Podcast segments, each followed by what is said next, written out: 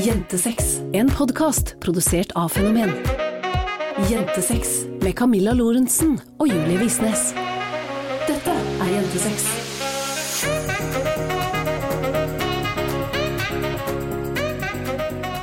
Hallo alle sammen, og velkommen til en ny episode med Jentesex. God morgen, Julia. God morgen, Camilla. Vi kan si god morgen selv om klokka er elleve. Ja, altså, vi sto jo opp klokka syv. Nei, det gjorde vi ikke. Klokka åtte. Ja, det gjorde vi. Og det er ekstremt tidlig for meg. Så ja, det er morgen. Jeg har vært våken forever. I am a new person now. I love it. Det er du altså ikke. Men jeg vet hva jeg er fryktelig glad for? Hva da? Det er at du tok deg så sammen i dag tidlig for å ikke være morgengretten. Fordi eh, dere som hører på, holdt jeg på å si, vet jo ikke dette, men Julia er jo den mest morgengretne personen på denne siden av ekvator. Det vil hun ikke snakke om nå. Ingen kommentar. Ingen kommentarer. Heldigvis så pleier jeg å bli glad etter tolv, så jeg tenker dette blir spennende å se hvordan denne podkasten går nå, siden klokken bare er elleve. Is it gonna be a grumpy podcast? Is it? I don't know. I don't know either. Det burde jo ikke være det, fordi hva har skjedd siden sist, eh, Visnes? I asked you to marry me. Ja. På Var det på søndag? Ja, det var, var på søndag. Hvilken Ja. dag er det i dag? Jeg Tirsdag. er helt dagvill. Så kom jo vi hjem fra hytta, og da tok denne jenta her og rett og slett popped the question. Fortell oss alt, eh, Julie, om hvilke tanker som lå bak dette. Jeg vil høre, fordi nå har alle hørt, eller ikke alle da, men veldig mange har hørt historien. Nå har jeg vel snakka med hva da, VG, Dagblad, TV 2. Men våre lyttere er jo veldig mye viktigere enn Dagbladet, VG og TV 2, Ja. så vi kan jo fortsatt ta en liten roundup, fordi greia var i august så eh, satt jeg hjemme og tenkte, vet du hva? I wanna be with this girl forever. I want to be with her always, always, always. Og så gikk jeg på internett. Jeg bare hm, her er det jo noen ringer. Jeg tenker jeg kjøper meg en sånn. Du tenker at du kjøper Hæ? Kjøpte du ring i august? Ja. Ja. Det gjorde jeg. Det gjorde. Kjøpte ring i august, bestilte masse sånne polaroids. Eh, fikk de i posten, skrev ned en historie på hver eh, polaroid, la de i konvolutter. Skrev datoer på konvoluttene med sånn fire, fire dagers eh, mellomrom. Eh, I midten av september fikk du den første konvolutten din. Så fikk hun de tre siste i går, fordi greia var Hun skulle jo egentlig få de i slutten av desember, bør, hm, det er veldig, veldig on brand for meg å være tidlig ute. Eh, Så jeg tenkte why not keep that up? Så nå orker jeg ikke mer. Eh, Så da fikk hun tre konvolutter når vi kom hjem på søndag. Og på den siste så sto det 'spør etter puslespillet ditt'. Det gjorde det. Og da fikk hun et eh, puslespill med 100 biter, hvor hun måtte liksom pusle seg fram til det her, og så sto det til slutt 'Hey babe, will you be my wifey?' Og det var så hyggelig. Det beste er at du fortalte meg det her må ha vært, det må ha vært i september eller noe sånt nå, så midten av september, at uh, Camilla, julegaven din eh, den får du ikke på julaften i år, du får den 27. desember. Jeg var sånn, ja ok, det er greit liksom, for vi skulle gjøre et eller annet. Mm. Um, så det var ekstremt viktig at vi var i Tønsberg, det var ekstremt viktig at vi ikke hadde noen planer den dagen, fordi vi skulle finne på noe. Um, og så gikk det noen dager, og så sa du å herregud, jeg orker ikke å holde på den hemmeligheten om hva vi skal 27. desember, så jeg har funnet på noe annet i mellomtiden. Så sånn som du la det opp til meg i begynnelsen, det var at denne polaroidkalenderen og det som skulle skje 27. desember var to forskjellige ting. Jeg vet det. Det var det du sa først. Ja, ja, jeg vet så jeg jeg det. skjønte jo ikke at dette hang sammen i det hele tatt. I tricks you. You tricked me. You may trick me once. You will probably also trick me four times. Because jeg lærer ikke veldig fort. Nei, det gjør du ikke. Jeg stoler jo på alt du sier. Ja. Det er jo det som er så lett med å lure meg for deg. Ja. At uh, hvis du sier nei, det er ikke det, det er greit. Da er det ikke det. Nei.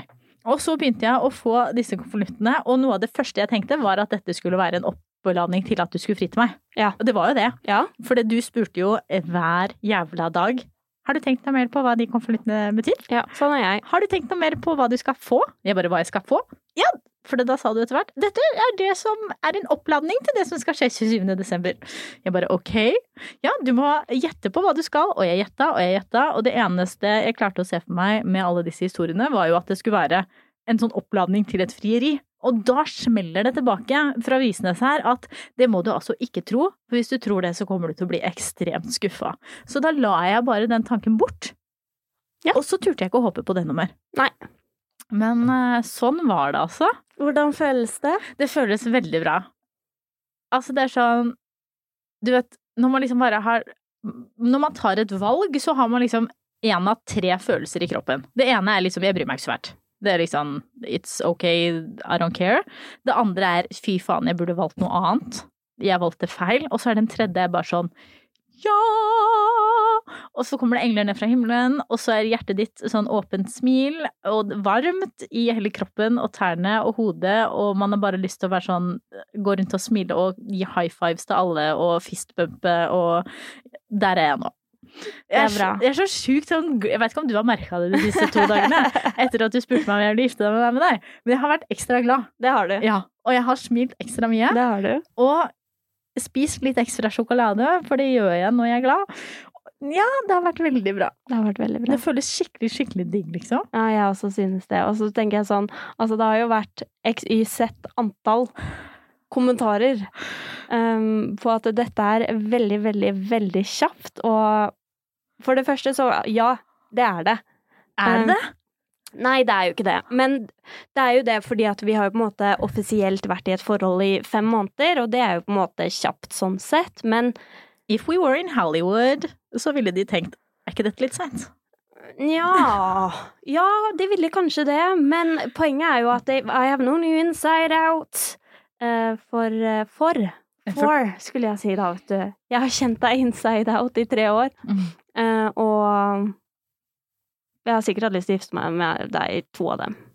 Ja, altså det kommer fram nye detaljer til denne historien hver uke, så jeg sitter bare og, og tar til meg det jeg får der, jeg. Ja. Men tror du ikke, altså Man bruker jo litt den der datingperioden. Ja. eh, Den der første kjæresteperioden på å bli kjent med hverandre. Ja. Men det har jo vi sluppet.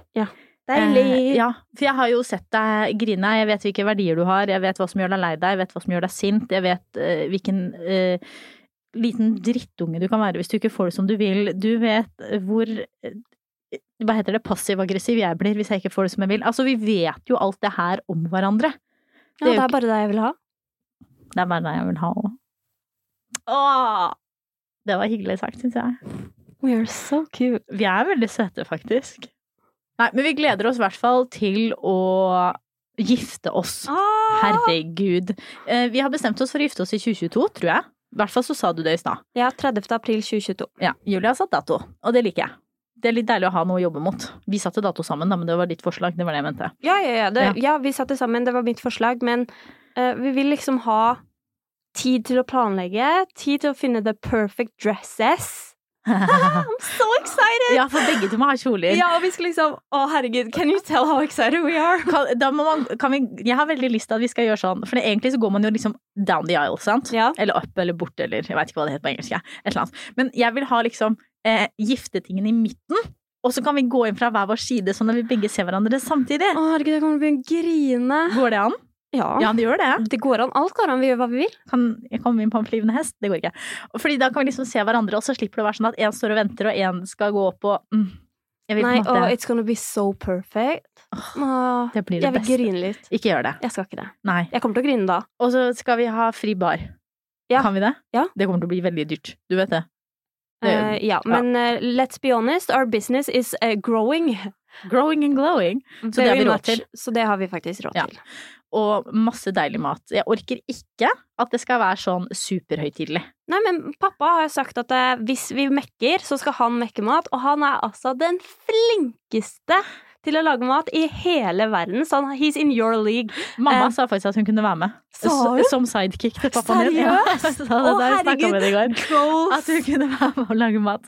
Så da tenker jeg hvis vi smeller de to inn på kjøkkenet, Det gjør vi. så blir vi kvitt de mest høylytte òg. Ja. Word. Så kan vi ta all æren sjøl. Ja. Det er jo mye deiligere. Nei, men dette syns jeg er det hyggeligste i hele verden, og jeg er så glad, og jeg er så forelska. Jeg vet ikke hva jeg skal gjøre av meg. I av deg, bli det på andre siden av bordet til vi er ferdig med å spille podkast, i hvert fall. Okay. Og så kan vi jo spørre hvis dere har noen tips til oss som skal i gang med å planlegge bryllup. Så kan dere jo komme med de, for vi har jo faen ikke gjort det her før. Har du planlagt et bryllup før? Nei. Nei.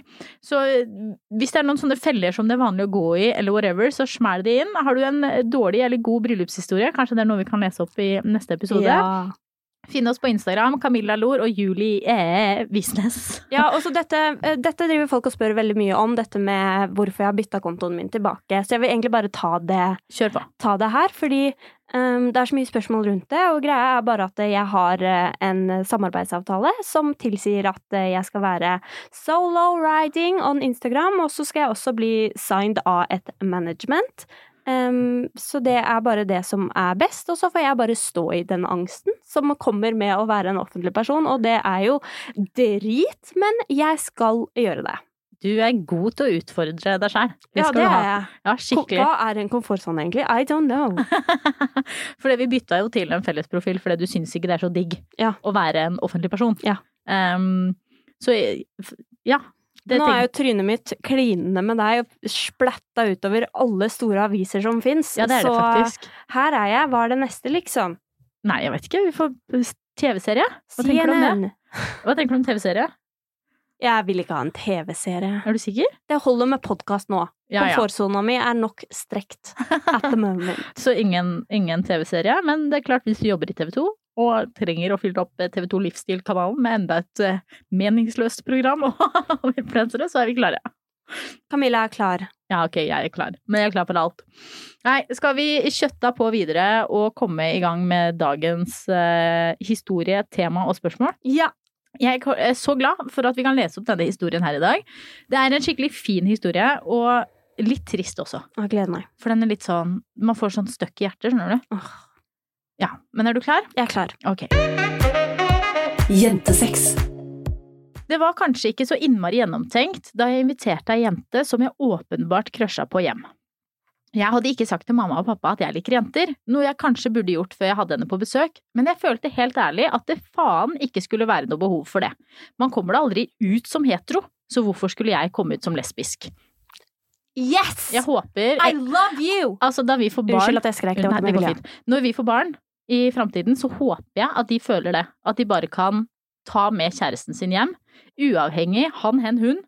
At det liksom er ok. Ja, Det er vår enig. jobb som foreldre å legge til rette for at barna våre ikke trenger å komme ut. Julie. Ja, jeg står godt i det. Bra. Anyhows. Så var jeg sammen med denne jenta hjemme hos foreldrene mine hele dagen, og det begynte å bli ganske tydelig for papsen at dette var mer enn bare vennskap.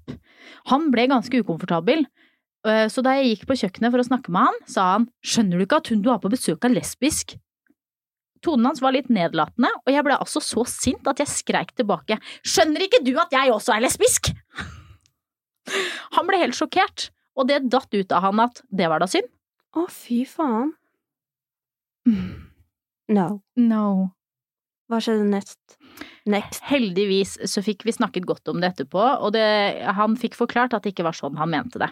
Men den kommentaren satt godt i en stund og gjorde at det tok litt tid å bli komfortabel med min seksuelle legning igjen. Så til deg som opplever at noen kommer ut til deg, ikke vær noe annet enn støttende, vær så snill. Altså her tenker jeg for så fantastisk jobb disse foreldrene egentlig har gjort. Ja. Med å være på en måte så støttende figurer for denne jenta at hun føler at vet du hva, eh, jeg vet at jeg er lesbisk, jeg har ikke sagt det til mamma og pappa ennå, men trenger jeg egentlig det? Ja. For det, dette, dette skjønner de vel. Og så kan jeg jo også forstå at det kanskje kom som et sjokk på far, og at han på en måte eh, sa ting han ikke tenkte over der og da, men fy fader, ord kan såre så jævlig mye, Ja. og det kan gjøre så stor skade. Ja, men det er faktisk et valid point, fordi man tenker ofte altså ja ja, jeg sa det der, men eh, I'll take it back senere. Og Det så var ikke sånn jeg mente det, liksom. ja, og så er det ikke alltid man kan det, fordi det setter liksom en støkk i deg. Mm. Ja, sånn skikkelig. Mm. Og det er ganske mye ting som blir sagt opp igjennom, som, jeg, altså som har blitt sagt til meg, da, som jeg fortsatt kan huske. Jeg kan bare, vi skal jo ikke snakke om selvfølelse i dag, det er jo tema for neste episode, men jeg husker på barneskolen at det var en av guttene i klassen min som sa du er jo litt sånn tjukk du, Camilla. Ja. Og da var jeg hva da, ti eller elleve? Ti, tenker jeg. Og det var liksom første gang. Fra den dagen så begynte jeg å tenke over at jeg var tjukk. Det er så sjukt. Det satte liksom premisset for at jeg skulle begynne å mislike kroppen min. Det hadde sikkert kommet på et eller annet tidspunkt uansett. Ja. Men det var liksom bare den kommentaren bare kicka i gang det hele. Helt jævlig. Ikke, not okay. Mm -mm. Teach your kids to be nice. Ja. Så kanskje vi kan ta med oss det alle sammen og, og huske på det at eh, noe som kan virke som en kjempeliten kommentar for deg, noe som kan virke som en morsom pønn eller whatever, kan såre skikkelig. Ja. Så um, try not to. Ok, Enig. Men i dag så skal vi jo inn på temaet seksualitet, Julie. Sexuality. Og der har jo vi litt å snakke om. Vi har har jo vi. hatt en episode tidligere, den aller første episoden, Camilla pluss Julie, hvor vi snakket om på en måte vår historie. Men det som kanskje ikke kom så eh, godt fram i den, var jo hvordan det har vært for oss å komme ut, eller finne fram til hvem vi er, eller om vi i det hele tatt har funnet fram til hvem vi er allerede. Og du har jo sagt i podkasten til Sølve ut av skapet at du er lesbisk. Det er jeg. Når visste du det? Det tror jeg jeg visste um, for et par år siden, når jeg var sånn 21-22, men jeg har jo hatt en oppvekst som er veldig preget av en fascinasjon for damer. Mm. Um, og jeg har alltid vært tiltrukket av damer mer enn jeg har vært av menn. Um, men jeg har på en måte tenkt at ja, ja, men jeg er hetero, og aldri på en måte stilt spørsmål ved det, før jeg møtte en jente uh, når jeg var uh, 21-22.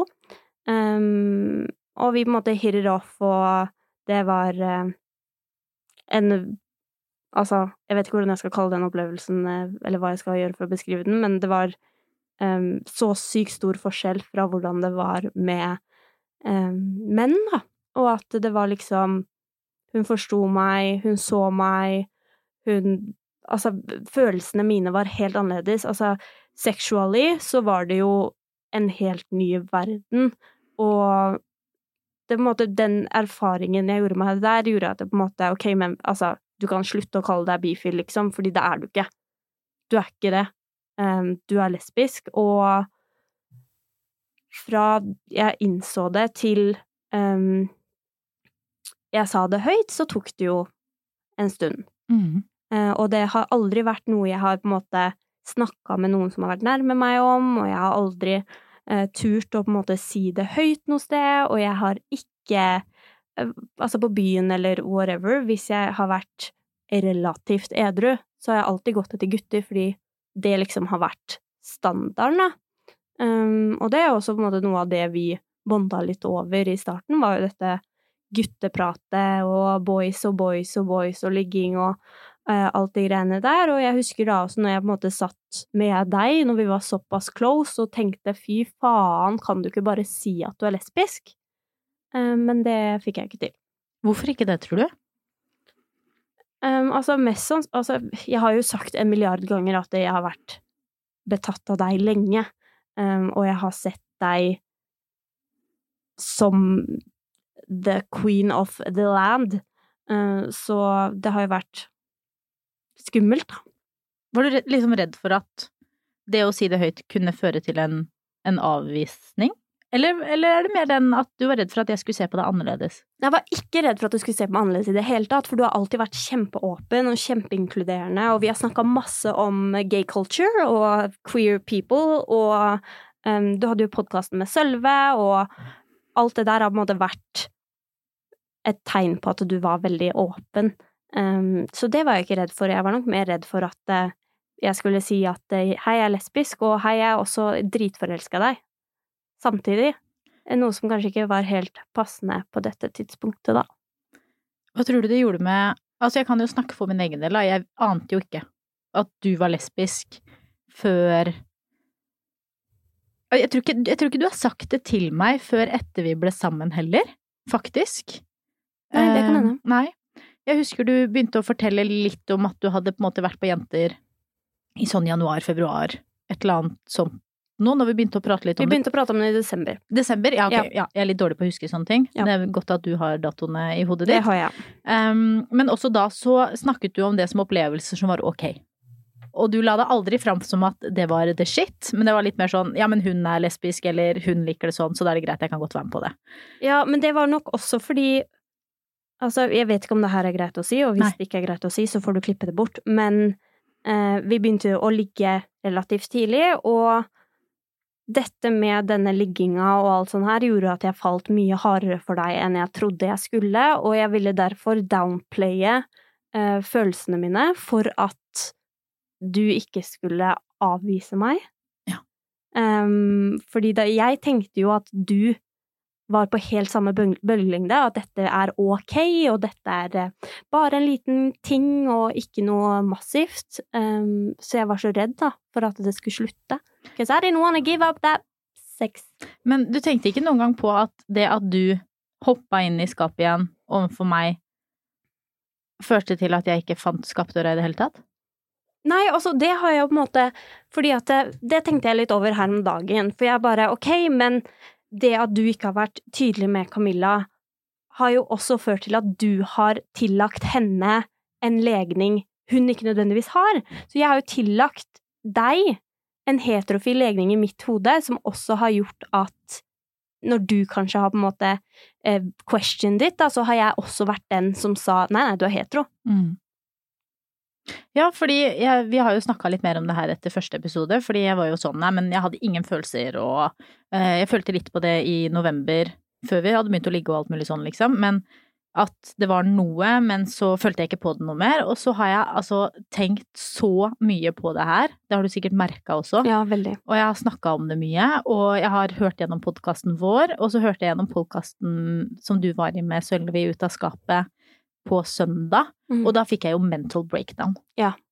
Det var jo helt jævlig. Jeg Ja. satt jo og gråt i senga. Du trodde jo at du hadde sagt alt mulig feil i denne podkasten, noe du ikke har gjort, for den var fantastisk, og jeg elska å høre på den, men jeg ble bare så konfrontert med hvordan jeg sjøl har undertrykt mine egne følelser fra starten av året, da, og fram til vi på en måte fant ut av litt ting i juni, fordi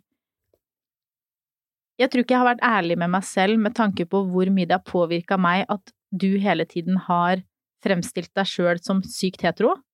Eh, Jeg tror jeg har følt på sykt mye skam for at jeg har tilnærma meg deg, når jeg har følt at det har vært noe du egentlig altså, syntes var ok, men ikke nødvendigvis hadde lyst til å være med på. Altså, ikke at jeg følte at det var noe overgrep eller noe, det var ikke sånn ment, men liksom at jeg følte hele tiden at det var jeg som ville, og at du ikke ville, at, at det var helt sånn At det var noe gærent med det jeg gjorde.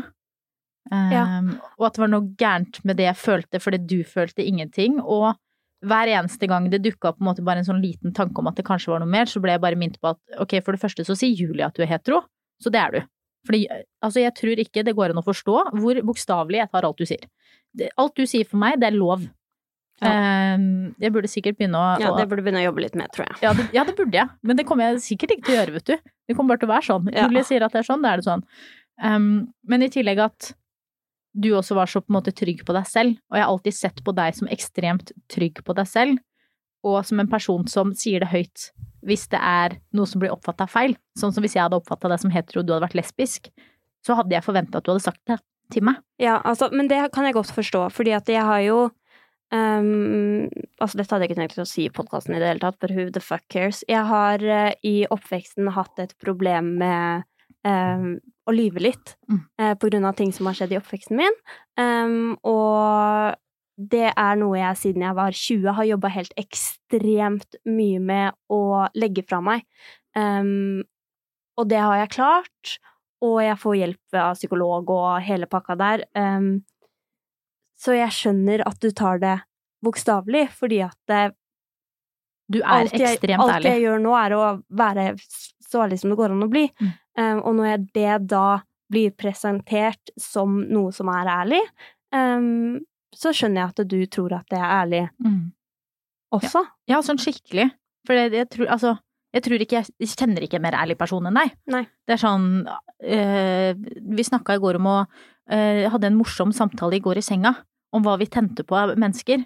Og så sa jeg et eller annet, ja, men du tenner jo ikke på sånne jenter. Og så sa du jo, jeg tente jo på henne, og et eller annet navn. Og jeg bare, men du trenger jo faen ikke å fortelle meg det. Nei, men du spurte jo! Ja, og ikke sånn er jo jeg bare. Har jeg Ja. bare blitt jeg nå? Fordi at det, eh, psykologen min, hun bare eh, Du har eh, altså frontallappene i hjernen din, når de skrur seg av, så er automatikken din I need to lie to get out of this shit. Fordi det er eh, det du har lært hjemme, og Mm. bla, bla, bla, bla. bla.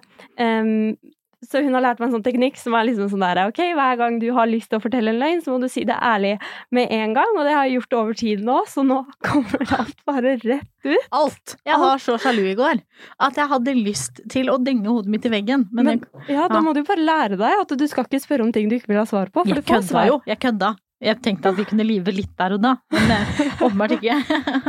men i hvert fall så tok jeg det jo Altså, jeg tok jo alt på en måte veldig bokstavelig, og det er så Jeg har også vanskeligheter for å på en måte uttrykke Ikke bare uttrykke meg, men også føle selv. Når andre, andle, andre um, ikke har skapt et rom for meg til å føle på det. Gir det mening? Ja. Um, jeg tenkte faktisk på noe. Oh. Nå, nå har jeg Det her kommer bare rett inn i hodet mitt nå. Um, men tror du at fordi jeg har opplevd eh, seksuelle overgrep, at jeg har på en måte tenkt at de følelsene jeg føler for eh, jenter, er et resultat av at jeg ble voldtatt over tid av en mann, og at jeg derfor har på en måte undertrykt liksom legningen min, fordi at jeg har tenkt at ja, men det er bare et resultat av overgrepet, det også. Jeg er ikke egentlig lesbisk, jeg er bare redd for menn. Ja. Altså, misforstå meg rett, men at det blir litt sånn tanken. Ja. Ja, det kan godt hende. Og altså, alt som har skjedd eh, med oss tidligere, påvirker jo hvordan vi tenker om oss selv. Det er jo sånn som Altså, ikke at jeg skal dra noen sammenligning mellom at eh, jeg har ikke åpna for at jeg kan være lesbisk tidligere, med at du, du har blitt utsatt for seksuelle overgrep, men, men det er jo noe med at uansett hva som har, har skjedd tidligere i livet vårt, så påvirker det jo hvordan vi tolker det vi tenker og føler nå. Mm. Um, så du har vært i, i den settingen, men eller mann har vært farlige. De har vært noe man ikke vil forbindes med. Uh, da er det lett å tolke følelser man har for jenter som kun redsel, og ikke nødvendigvis kjærlighet. Mm. Akkurat som at jeg aldri har hatt den minste åpenhet for at jeg kan være noe annet enn heterofil, har ført til at de følelsene jeg har hatt for jenter, har jeg tenkt at var mindre viktige enn de jeg hadde for gutter. Ja. Eh, Så uavhengig av på en måte hva som har skjedd opp igjennom, så vil jo det på en eller annen måte påvirke tolkningene vi gjør av det vi opplever i dag. Ja, for du har hatt følelser for gutter. Jeg vet ikke. Jeg, jeg syns det her er så vanskelig å, å prate om. Uh, og ikke bare syns jeg det er vanskelig å prate om, jeg syns det er dritvanskelig å føle på. Um, og jeg syns det er så vanskelig å være ærlig Altså ikke være ærlig utad, men å være ærlig med meg sjøl. Fordi jeg føler på en eller annen måte at jeg At jeg skylder folk å være det ene eller det andre. Jeg føler at jeg skylder mine tidligere forhold å være i hvert fall bifil. Mm. Fordi jeg har vært i et forhold i seks år og et forhold i sju år med menn.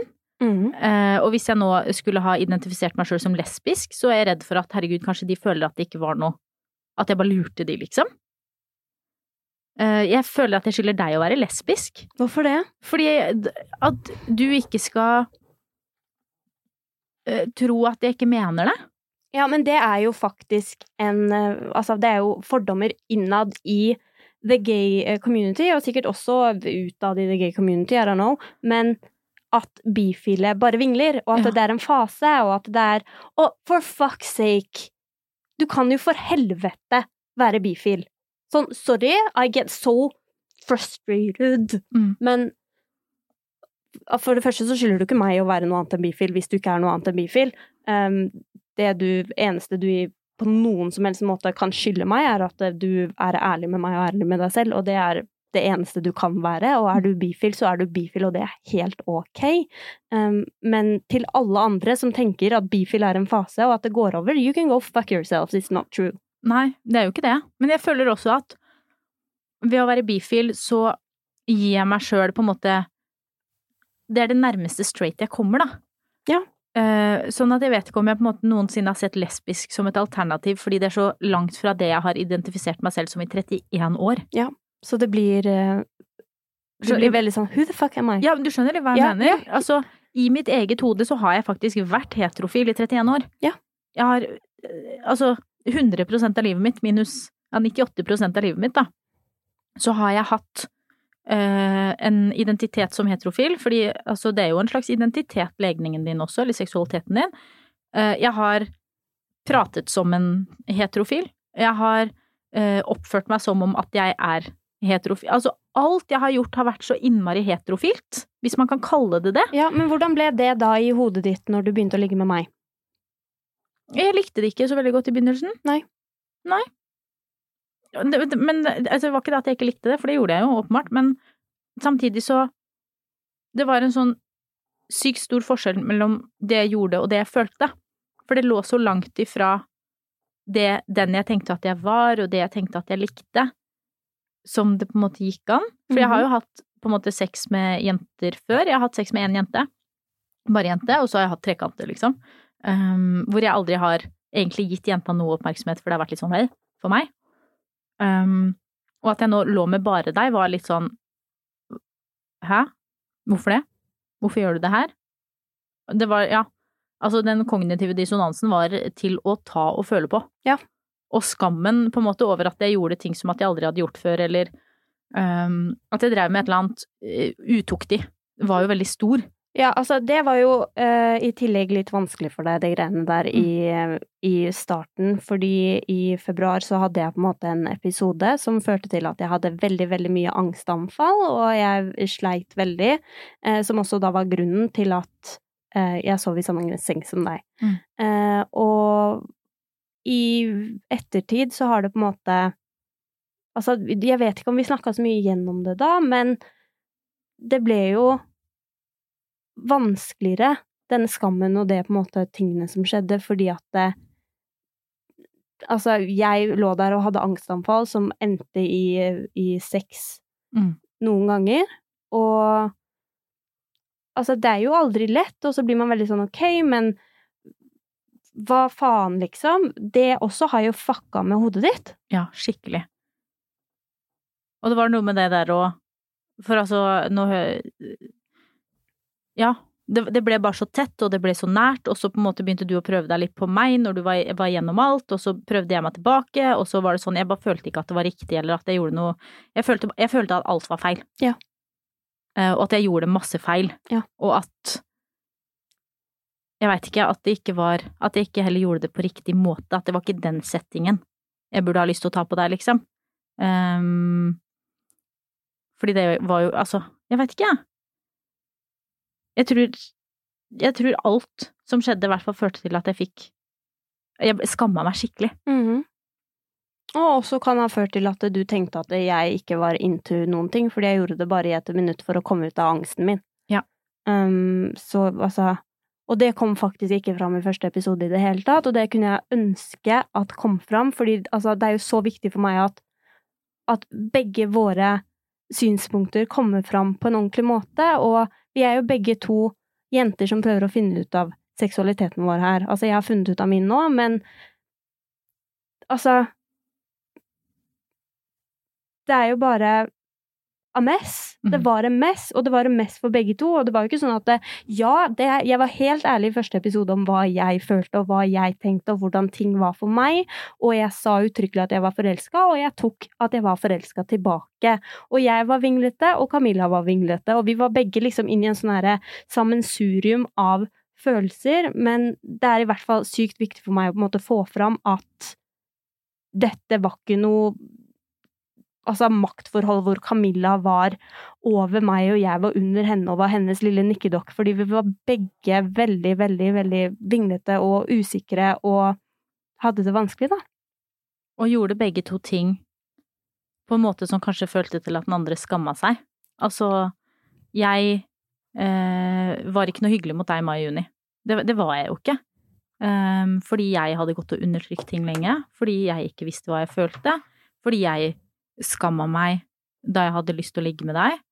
Um, det var ikke noe hyggelig, holdt jeg på å si, at eh, oppi all angstgreiene som skjedde i februar og mars, så ble det en slags inngangsport hvor du kosa litt ekstra for meg, og jeg trodde at det var noe gærent med meg som likte det.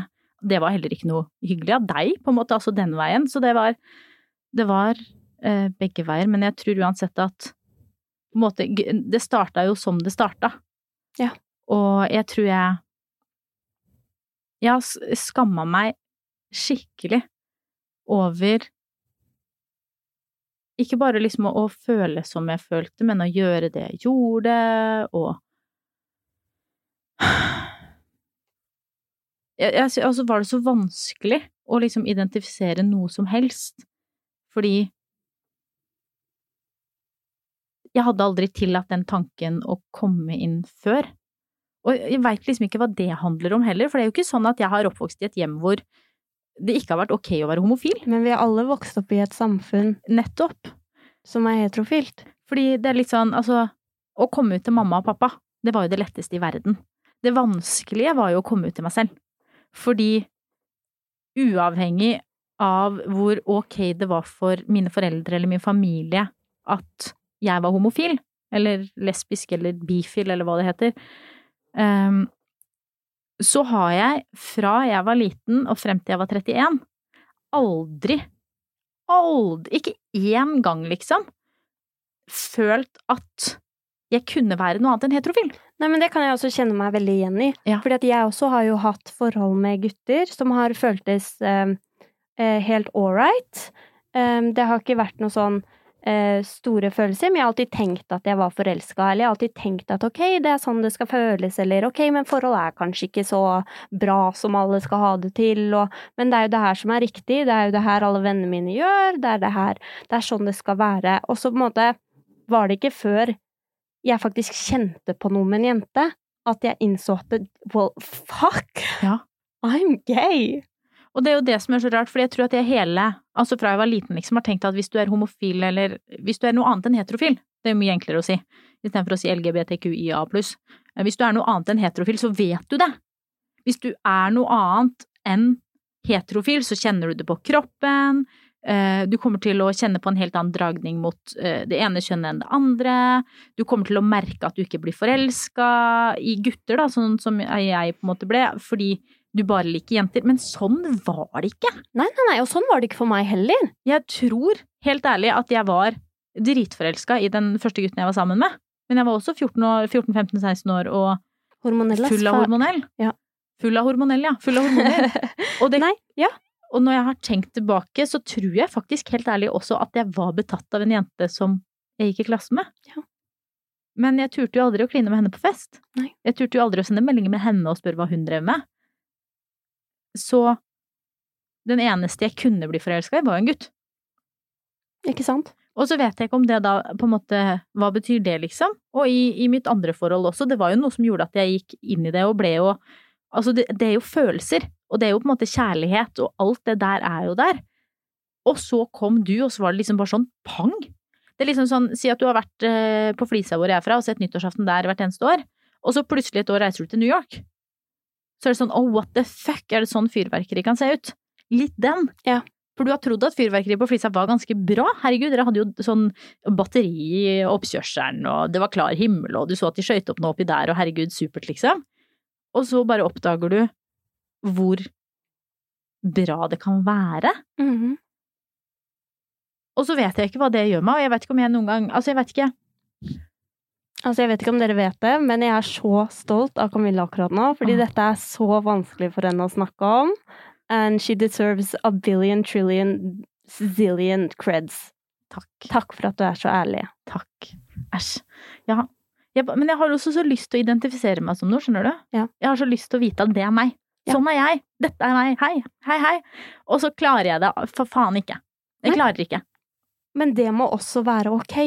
Ja, men Fram- det, altså, jeg syns det er fryktelig irriterende. Ja, ja, men det kan jeg godt eh, forstå og skjønne, men um, husk at dette er noe som tar tid. At det ikke er gjort på fire måneder, Det er liksom. ikke gjort på fire måneder, eller seks måneder, eller et år, eller whatever. Um, altså, det tar tid. Og altså, jeg skal være her for deg every step of the way hvis du ønsker å finne ut av det. Og hvis du ikke ønsker å finne ut av det, så gir jeg zero fucks. Jeg tror det egentlig er ganske viktig for meg å finne ut av. Ja, men da, da prøver vi å finne ut av det. Jeg tror at jeg ved å finne ut av det, føler at jeg er ærlig med meg selv. Ja. Og ved å ikke finne ut av det, så føler jeg på en eller annen måte at jeg ikke er liksom Ærlig. Ja, at jeg ikke er 100% meg sjæl, for å ta Ja. en Nei, nei, Paradise-referanse. nei, nei, men det skjønner jeg godt. Og ja, og jeg syns det er Altså, det sliter skikkelig på hodet mitt, det der å bare ikke klare å finne ut av ting. Det er sånn uh, Hvis jeg syns en gutt er kjekk, så er det sånn ja, ok, men da må jeg være bifil, da. Uh, og hvis jeg tenker tilbake på ting jeg har fulgt opp igjennom, så er det sånn ja, men kanskje jeg er lesbisk. Og så tenker jeg på hvordan jeg er forelska i deg nå versus hvordan jeg har vært forelska før, så er det sånn ja, men jeg er garantert lesbisk. Og så, altså, det er sånn Men dette er en prosess. Og det Jeg er en skulle ønske det var et sånn jævla spørreskjema jeg bare kunne ta. Og så får du sånn You're 95% lesbian and Nei, det går ikke an. Du er vel Nei. 100 enten enten Men du skjønner, da. Ja. You like girls 95 of the time, and 5 of the time you like boys. Det hadde vært Eh. fint å få en sånn. Ja. ja. Men dette eh, Det blir spennende. Nå skal vi jo ha podkast en stund, så det blir gøy både for meg og for deg og for lytterne og alt. Og Kanskje jeg kan komme ut en sånn fire-fem ganger i løpet av poden. ja, det blir fantastisk. Det gleder jeg meg til. Nyheter, alle sammen. Jeg er lesbisk. Nyheter, alle sammen. Jeg er faktisk eh, interseksuell. Jeg vet ikke hva det er for noe. De som føler på dette, altså Please just know at det, det er ikke sånn at man bare våkner opp en dag og innser 'hei, jeg er lesbisk'. Nei. Og det er heller ikke sånn at alle finner ut av det når de er 14. Nei. Sånn som man blir litt sånn Det føler jeg at man blir presentert for liksom alltid. At man skal vite det ung. Som ung. Og vi får meldinger hver eneste dag fra mennesker, eller kvinner, som er eh, langt oppe i åra, som er gift, har barn, har barnebarn til og med noen av de, eh, om at de nettopp har funnet ut at damn shit, jeg er lesbisk, hva skal jeg gjøre? Um, så hvis du føler på det, så er du ikke alene. Men tror du mange som føler på det, også føler at de ikke kan komme ut som den de er fordi eh, det er slemt mot andre? Ja, altså det er jo noe med det Det har jo du snakka en del om, det der med um, å skylde andre. Ja. Um, litt som du føler med eksene dine. Um, så ja, det, det tror jeg definitivt. Og spesielt hvis det er barn involvert. At man robber de for, for forholdet, liksom. At ved, ved å komme ut som lesbisk, så er man redd for at det inntrykket er at 'jeg har aldri elsket deg, jeg har lurt deg i tolv år'. Og det har man jo ikke. Man Altså, ikke men man kan jo elske mennesker uten å nødvendigvis være forelska i dem. Um, det er kanskje litt controversial, men uh, altså, jeg har jo vært veldig, veldig glad i mine tidligere, tidligere kjærester, og altså har elska å kose med de og har lukka litt øynene mens vi har hatt sex, men altså, man er jo glad i de Ja. og har vært kjempeglad i de, og de har vært en kjempestor del av livet ditt, og sånn er det jo med alle man får så tett på seg, og som man liker som mennesker, da, at det faktisk er kjærlighet, om det ikke nødvendigvis er den formen for kjærlighet man vil ha i framtiden. Og med de ordene så tenker jeg at vi setter strek for temaet. Herregud, det var fint sagt, Julie. Skal vi kjøtta på med litt spørsmål, da? For Det det, har vi jo liggende her i dag òg. Nå skal jeg finne fram, vet du. Er du klar for det første spørsmålet? Jeg er helt klar. Jeg er lesbisk, men har homofobiske foreldre. Har dere noen tips til meg? Det er Kaja. Kaja. Det er alltid Kaja.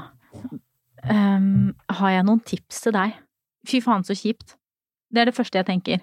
Altså, ja, men det jeg tenker er litt sånn Hvorfor er det sånn at vi alltid skal behandle familie som noe som er unbreakable? Fordi at hvis du har en familie som ikke aksepterer deg, og du ikke Altså, hvis du kommer ut og forklarer og alt sånn, og du blir møtt med en vegg av eh, homofobia, så syns jeg at det må faen være ok å dra. Og det må være ok. Altså, det er jo dritvanskelig. Det blir som at altså, det er helt, helt for jævlig, skikkelig, skikkelig, skikkelig vanskelig, men skal familien din stoppe deg fra å være den du er, og skal de bestemme at nei, du er ikke den du er? Eller her hjemme får du ikke lov å være den du er. Eh, Nå skal jeg leke litt djevelens advokat. Okay. Er du klar for det? Ja. Og det er ikke fordi at jeg nødvendigvis mener det, men kan man også tillate seg å gi foreldre en mulighet til å bli vant til og kjent med deg som homofil? Det kommer litt an på hva Kaja ønsker, da. Altså hvis hun er klar på at eh, jeg vil være meg, så altså, må hun ta konsekvensen av det. Men hvis hun er åpen og har et godt forhold med foreldrene sine fra før, og kjenner på den derre Oi, men jeg vil virkelig ha denne familierelasjonen, så er jo det definitivt noe man kan gjøre. Og man kan også ta med um, foreldre um, til psykolog. Ja, eller på ulike ting for å vise Altså, jeg tror jo dessverre at mange av disse homofobe tendensene stammer fra at man ser på homofile som noe annet enn eh, the everyday people. At man tenker at homofile er på en viss måte. At man tenker at de har visse egenskaper, noe som jo er helt feil. Uh, how to spot a gay person, you can't. Altså, man er jo akkurat like forskjellig som homofil som heterofil. Uh, som trans som cis. Og uh, hvis man har foreldre eller venner eller eh, relasjoner som har alle disse fordommene så sterkt innprinta fordi det er det de er vokst opp med, så har man også kanskje muligheten til å, å lære de at det, alt du tror er feil. Ja. Alt du tenker er feil. ja, og hvis du har man har overskudd til det, så klart, fordi det er jo en jobb som krever veldig mye mental kapasitet. Ja, og også Og det så er krever det jo øh, åpne foreldre. Ja, ja, ja. Ja. Men hvis man på en måte Jeg tenker også at det kan være fint. Jeg, Ja, det er jeg helt enig i. fordi det er veldig lett å si just like cut them off. Um, og jeg er helt for at det er lov. Eh, husker du vi snakka med mamma om det her? mm. Og mamma bare hva faen, liksom, bare for at man deler blod, så er man faen ikke liksom Har ikke the privilege til å kalle seg far eller mor hvis man ikke behandler barna sine bra. Mm. Og det er jeg 100% enig i. Men hvis du, Kaja, eh, ser at vet du hva, jeg har lyst til å ha et forhold til mamma og pappa, eller mamma og mamma, eller pappa og pappa, nei, det er mest sannsynlig mamma og pappa siden de er homofobe, la oss være ærlige, um, så kan du også gi de en sjanse til å bli kjent med deg som homofil, for da vil de oppdage at du er fortsatt bare Kaja. Ja. Og hvis de klarer å se det, så kanskje eh, du har muligheten til å omvende to homofober, som jo er fantastisk. Eh, Du har muligheten til å opprettholde en familierelasjon, som også er veldig fint. Ja. Um, og hvis det ikke går, så støtter vi deg 100% i at uh, you cut the strings og sier jeg vil ikke ha dere i livet mitt hvis dere ikke vil ha meg som jeg er i deres liv. Amen. Da har vi et spørsmål fra Mari her. Kjør på. Hvordan finne igjen forføreren igjen etter mye seksuell avvisning i forholdet? Åh, er hun fortsatt i det forholdet da? Er det sånn vi kjenner, kjenner Ja. det på? At Mari Ja. fortsatt er i dette forholdet? Hun er i et eh, forhold hvor eh, partner avviser henne seksuelt. Åh, det er det verste som fins. Fy faen, man føler seg så teit og lite attråverdig. Tiltrekkende heter det kanskje på Attroverdig? Ja, du vet. Er det? Av og Nei, men av og til så er jo jeg en 75 år gammel dame som løser kryssord på fritida. Ja, det vet jeg. Um, og det, jeg, eh, det er skikkelig, skikkelig vanskelig. Det er noe med når du på en måte For det første så krever det litt å tørre å ta initiativ. I hvert fall for meg, da. Eh, Jeg har jo Ja, jeg sliter, sleit, sli, har sluttet med å eh, ta initiativ. Og når man da, i tillegg når man på en måte putter seg selv ut der, som det heter direkte oversatt fra engelsk, when you put yourself out there, og prøver, og så får man et nei, og det verste nei du får er sånn uh, partner later som at hen ikke engang skjønner at du prøver der, skjønner du? Ja, Det er, ikke, altså, det er ikke engang sånn, vet du hva, jeg skjønner at du vil ha sex nå, uh, det har jeg egentlig lyst til, men jeg er sliten, men det er sånn, man bare later som at man ikke skjønner det. Det, Mm. det føles helt jævlig. ja, altså du har jo mer erfaring på dette området enn meg, så jeg har liksom ikke så veldig mye å, å tilføye. Så jeg lurer på om eh, du skal få stå for eh, tipsene til Mari her, Og du har sikkert tips å komme med, du også, Visnes. Det er jeg sikker på. Men, men jeg tenker det er veldig vanskelig å finne fram til forføreren i seg selv hvis man ikke har hatt en ordentlig prat med partneren sin. Fordi Here we are, talking about communication again. Ja, for det hvis man faktisk ikke har Altså hvis partner ikke har et ønske om å eh, ta deg når du prøver deg, så kan du jo finne fram forføreren så mye du vil, men du vil jo likevel føle at alt du gjør er feil, eller? Ja, ja, ja, ja. Det er jeg helt enig i. Um, ja, men det er jo det jeg alltid tipser om. Snakk. Talk. Ja, Og og, så, dette er kjæresten din. og dette er vanskelig for Mari. Ja. Det er skikkelig vanskelig for Mari å kjenne på det der å bli avvist og avvist og avvist, og føle at seksualiteten hennes ikke teller, og føle at eh, det at hun er kåt er feil. For det er jo den følelsen man får Ja, ja, når man blir avvist igjen og igjen. Så det må jo begynne med en samtale med partneren din hvor du legger fram dette og forklarer hvordan du føler det, og kanskje spør hvorfor hen eh, møter deg på den måten hen gjør, da. Ja, så det Eh, kan godt hende det ligger noe helt annet underliggende som partneren din også trenger å snakke om. For det er ikke sikkert at du vet alt. Og dette kan jo handle om hen kan ha mindreverdighetskomplekser, hen kan uh, ha det skikkelig vanskelig på jobb. Det, det kan være liksom hva som helst. Og det, Prestasjonsangst. ja, og det mest sannsynlig handler det ikke om deg, fordi dere er i et forhold. Men dere må ha den praten. Og jeg kan jo tipse om parterapi. Jeg syns det er kjempefint, fordi man møtes på et, et litt sånn nøytral grunn. eh, Og noen andre kan stå for å styre samtalen, og man faller ikke i de eh, fallgruvene som man ofte gjør når man snakker sammen to og to, som er å angripe hverandre. Yes for therapy. Ja, fordi det blir veldig fort sånn ja, men du gjør, og du gjør, og du gjør, istedenfor jeg føler, jeg synes, jeg mener. Mm. Fordi det er jo på en måte det som må være grunnlaget for en god samtale, er jo at du snakker om hva du føler og tenker og mener, og ikke om hva partneren din gjør. Nei, det er veldig, veldig, veldig viktig, og vi også har jo eh, jobba litt med det her, og på en måte sitte i eh, samtaler og fokusere på hva vi føler, og være åpne Mm. mot hverandre, da, og hverandres følelser på Og det er skikkelig vanskelig. Ja, ja Eh, kjempevanskelig. Fordi de følelsene man har, er jo ofte også følelser man kan skamme seg litt for å ha. Mhm. Litt sånn eh, jeg føler at du ikke vil ha meg. Det er jo ikke noe kult å høre. Eh, Men ved å legge det fram fra et jeg-perspektiv, og også eh, arrestere partneren din litt hvis hen sier at ja, men jeg vil ha deg. Ja, det er greit nok, det er ikke det jeg sier. Jeg føler at du ikke vil ha meg. Ja. Det handler ikke om hva du vil, det handler om hva jeg føler. Ja, se meg. Se meg, dette er det jeg prøver å fortelle deg. Ja. Eh, hva føler du? Um, og så på en måte få i gang kommunikasjonen der, og så må man jo da se er det faktisk et ønske fra partner om å gjøre noe med det her. For hvis det ikke er et ønske om å gjøre noe med det, så sorry to say, men da kommer det mest sannsynlig ikke til å forandre seg. Nei. Men altså, ta, uh, gi partneren din litt tid. Um, og sånn som vi sa, var det forrige episode? Nei, det var episoden før forrige episode. Um, match ord og handlinger, Ja. og se om de stemmer overens. Så hvis de gjør det, så er det prima. Så hvis, hvis partneren din sier 'jeg har lyst til å gjøre noe med det', og så faktisk gjør noe med det, eh, så fins det eh, en framtid, holdt jeg på å si. Yeah, the grass is greener where you water it. Ja, men det må vannes. Og hvis det er vanskelig å ta den samtalen bare dere to, så er det fullstendig lov å gå i parterapi. Det kan man også gjøre online. Det kan jo anbefales. Um, for å få litt hjelp med å få samtalen i gang. Yes!